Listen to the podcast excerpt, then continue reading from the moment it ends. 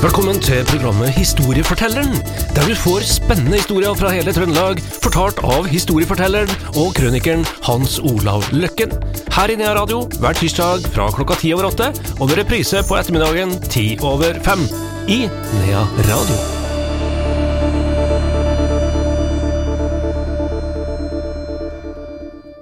Velkommen tilbake til serien Historiefortelleren her i Nea Radio. Vår historieforteller er i dag, som eh, tidligere, Hans Olav Løkken. Velkommen tilbake, Hans Olav. God dag. Eh, I dag skal du fortelle historie om ei sterk kvinne. Ja. Det er en del sterke kvinner, og selvfølgelig da i overført betydning, da. Her. Eh, vi skal til Tiller. Vi skal ikke så langt fra City Syd. Det heter vel Lauvåsen der borte, hvis du kjører nedover mot Sandmoen. Det lå jo noen småbruk, og det var jo da, på den tiden, en del av Klæbu kommune. I dag er det jo Trondheim kommune. Så der vokser det opp ei som skulle da bli hetende for eh, Randi Solem. Eh, dette her er i eh, haugianertiden, vi altså først på 1800-tallet. Og eh, hun gifter seg med en soldat, og de får et barn. Soldaten dør. Det skjer samtidig som Hans Nilsen Hauge kommer forbi og kommer inn i Trøndelag. Eh, Det gikk ikke så bra med Hans Nilsen Hauge i Trøndelag. Han var ikke akkurat så populær, han satt vel for det meste i fengsel når han var i, i, i, eh, eh, i byen. Han dør forresten da i 1824. Men eh, han hadde en viss påvirkning, og eh, heimen til eh, foreldrene da, og Randi Solheim, det ble det vi kaller et haugianerhjem. Ble altså frelst, og eh, hun gikk i tjeneste for Hans Nilsen Hauge. Hun gifter seg på nytt. Ekteskapet var tross alt en livsforsikring. Så hun gifter seg på nytt med en annen person fra, fra Klæbu, Arnt Solem. Denne Arnt Solem gjør det bra som uh, tømmermann. Han uh, er på en måte en nåtidens entreprenør. Uh, bygger boliger. I Olav Tryggvason-gaten i Trondheim så er det jo Solheimsgården en dag i dag. Han gjør det godt. Han har bra inntekt. De kjøper opp større gårder og eiendommer. Og eh, vi må også ikke glemme at eh, haugianerne var også litt sånn businessfolk. De eh, kjøpte jo til og med opp øyer og sånn oppe i Namdalen. Så Randi Solheim, eh, et av første oppdragene hennes var vel å gå eh, over Dovrefjell i februar måned på ski med en ettåring. Det var vel én stav den gangen. Jeg tror ikke så mange kvinnfolk som ville gått i siskjørt i februar måned over Dovre på ski. Men hun gjør det for å skulle liksom ta seg av gudbrandsdølene, da. Hun havna vel i Bergen òg, og ble For haugianere hadde jo på en måte en skole som ble lært opp innenfor ulike yrker og sånn. Og eh, og Arnt ble the coming star for Hans Nilsen Hauge. Ja, det gikk vel så langt at Hans Nilsen Hauge hadde vel sagt at hvis det skjer noe med meg, så skal dere overta haugianerbevegelsen. Ja. Og hun Randi, men det var vel litt sånn kjønnssystem den gangen òg, så det var vel en Arnt som kanskje vil, var kronprins, da, men det var vel hun som styrte. Og det er vel kanskje litt sånn i mange hjem rundt omkring, at uh, utad så er det kanskje mannen, men innad så er det vel kjerringa som går rundt med nøklene fortsatt til, til staburene. Så hun Randi Solheim, hun driver nå på. De får eh, elleve barn. Elleve barn. Hun mister ti. Ti av ungene hennes dør. Ikke akkurat i baby, de dør vanligvis i sånn tenårene. Eldstedattera ble vel 20 år, jeg husker ikke feil. Bare det, at hun går altså gravid, og så mister hun tenåring, hun går gravid, mister en tenåring, det, det, det, det måtte ha gjort noe med henne som menneske, da. Så begynner han å nærme seg Eidsvollsforsamlingen. Og eh, på den tiden så bor eh, Randi og Arnt Solheim på Værnes hovedgård, som er da nærmeste gården til Værnes kirke, altså inne på militært område, som er et lukket område i dag. Altså det er der inne på flyplassen, på Vernestad i dag. Det var jo største gården. De har kjøpt opp den, og Randi Solem hun fremstår nå som en storkapitalist, multimillionær, men hun er kapitalist med den gode kåen. Jeg bruker å si at det er to typer kapitalister, det er den gode kåen og den vonde kåen, i gåseøyne. Hun var den som Hun styrte hele bygda. Hvis det var noen øh, vanskeligheter, så var hun der og, og, og løste det opp.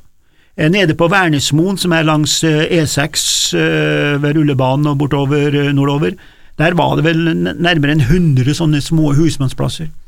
Fattigfolk som bodde, og hun Randi Solem hun eh, dro dit med mat, med klær, eh, ga dem penger.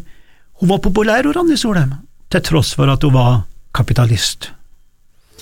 Hun gjorde mye godt, men hun var tøff, og hun hadde bein i nesen. Og hun Randi Solheim, det begynte å skjære seg litt på Randi Solheim, fordi at hun begynte å gå i eh, gråe sideskjørt og hvite bluser. Det gjør du ikke ustraffa over for Hans Nilsen Hauge. Der skulle du gå i svart varmøl. Så det ble en liten sånn, eh, skal vi si, kjemien var ikke god nok der en stund. Og Randi Solheim hun forlot da kristendom uten smil, og gikk til Grundtvig i Danmark, som er kristendom, med smil, som på en måte er den kristendommen vi har i dag, da, kan du si. Her. Så det ble en skjæring der. Og Randi Solheim hun ble på mange måter også en mentor en rådgiver for vår egen Ole Vik, som er da i samme tidsperioden. Ole Vik var jo mye yngre, men hun tok seg av han Ole Vik, da. Eh, Ole Vik han var jo da, som mange vet, i hvert fall si historia det, glad i feil jente. Han eh, var visstnok glad i jo Marie Vekselsen. Og hvem er Marie Vekselsen i norsk historie? Jo, det var hun som skrev jeg er så glad hver julekveld. Det skrev hun etter at Ole Vik var død, og Ole Vik ble gravlagt på julekvelden. En litt sånn pussig tilfelle har selvfølgelig ikke noe sammenheng, men hvis du legger sammen to pluss to og får fem, så høres det litt rart ut. Så hun var mentor, og hun Randi Solheim, hun som konservativ og alt mulig, og det her var jo den tida du måtte gifte i gåseøyne, så hun sa til Olevik nå må du se å gifte, Olevik, sier hun. Men som sagt, Ole Vik han fikk ikke Marie Wekselsen, for brevene ble jo selvfølgelig sensurert. Marie Wekselsen tilhørte da den store vekselsesfamilien på, på Toten, og det er biskopfamilier i Trondheim by, og, og, det var to vidt forskjellige stand, så de, de, hadde ikke sjans til å få hverandre i og for seg. Eh, og når en Ole Vik døde, så gikk vel Marie Vekselsen rundt og sa gjerne og tross alt enka etter Ole Vik. Men eh, jeg tror nok at den eh, setninga er kanskje litt overdrevet, da, for eh, nå ble Marie Vekselsen aldri gift. Det er kanskje litt pussig. Hun kunne tross alt velge fra øverste hylle.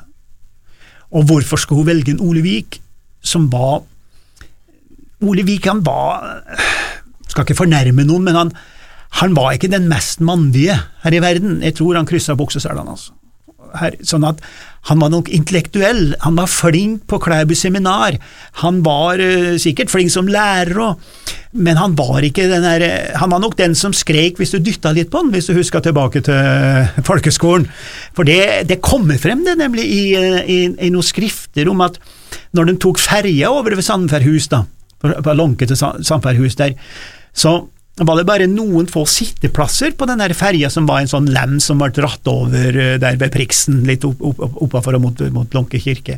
Og Da sa alltid ferjemannen når han satte seg at nei, reis deg ut så voksne får sitt, og da var jo han mye eldre enn dem, da, men han, han var så liten og puslete, da. Uh, Ole Vik, han, uh, han var jo Han tilhørte jo Ibsen-gjengen i Oslo, og gjorde det jo bra på mange måter, og var med i styret i teater og, og, og sånn. Men han kunne vært tøff. Så Ole Vik har jo skrevet om Kristiansund by, han, han var jo lærer i Kristiansund, og jeg tør ikke gjengi det han skrev. Det er så brutalt, altså, det har jeg sagt til Åge G. Sivertsen, som er en stor forfatter og er fra Kristiansund, og han skulle ha det med i bok, i hvert fall, for han eh, skrev så negativt om, om, folk fra Kristiansund at eh, jeg tør ikke trykke det engang sjøl, så han var nok ganske tøff likevel, sjøl om han var litt sånn puslete, da.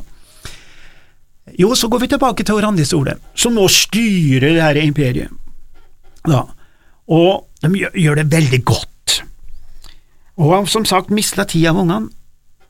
Eh, Siste sønn skulle jo overta hele det her firmaet, med alle millionene. Han var aldri plukka ut til å bli rektor på den nye, på den eh, første landbruksskolen, tror du, oppe på Rotvoll på Byåsen eller noe sånt. Så eh, hvorfor skulle han gjøre det han nett, eh, kom til å gjøre, han herre siste søndag? Jo, han brøt seg inn i Norges Bank. Hvorfor i all verden skulle han brøte seg inn i Norges Bank, som ligger da ved siden av Vår Frue kirke, ikke sant, der ved losjen i, i, i Trondheim. Så han ble tatt på fersk gjerning, og øh, om natta. Og så sier han til politimester Kristi da vel at øh, kan jeg få en dags utsettelse på arrestasjon, for jeg vil gjerne snakke med min sjelesørger prost videre. Det fikk han. En dags utsettelse, og det var det han trengte for å ta strykningen.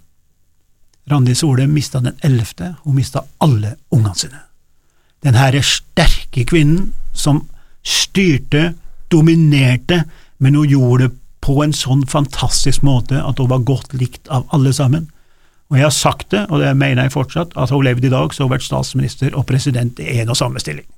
Så dyktig var hun. Det var litt av en attest fra vår eh, historieforteller Hans Olav Løkken.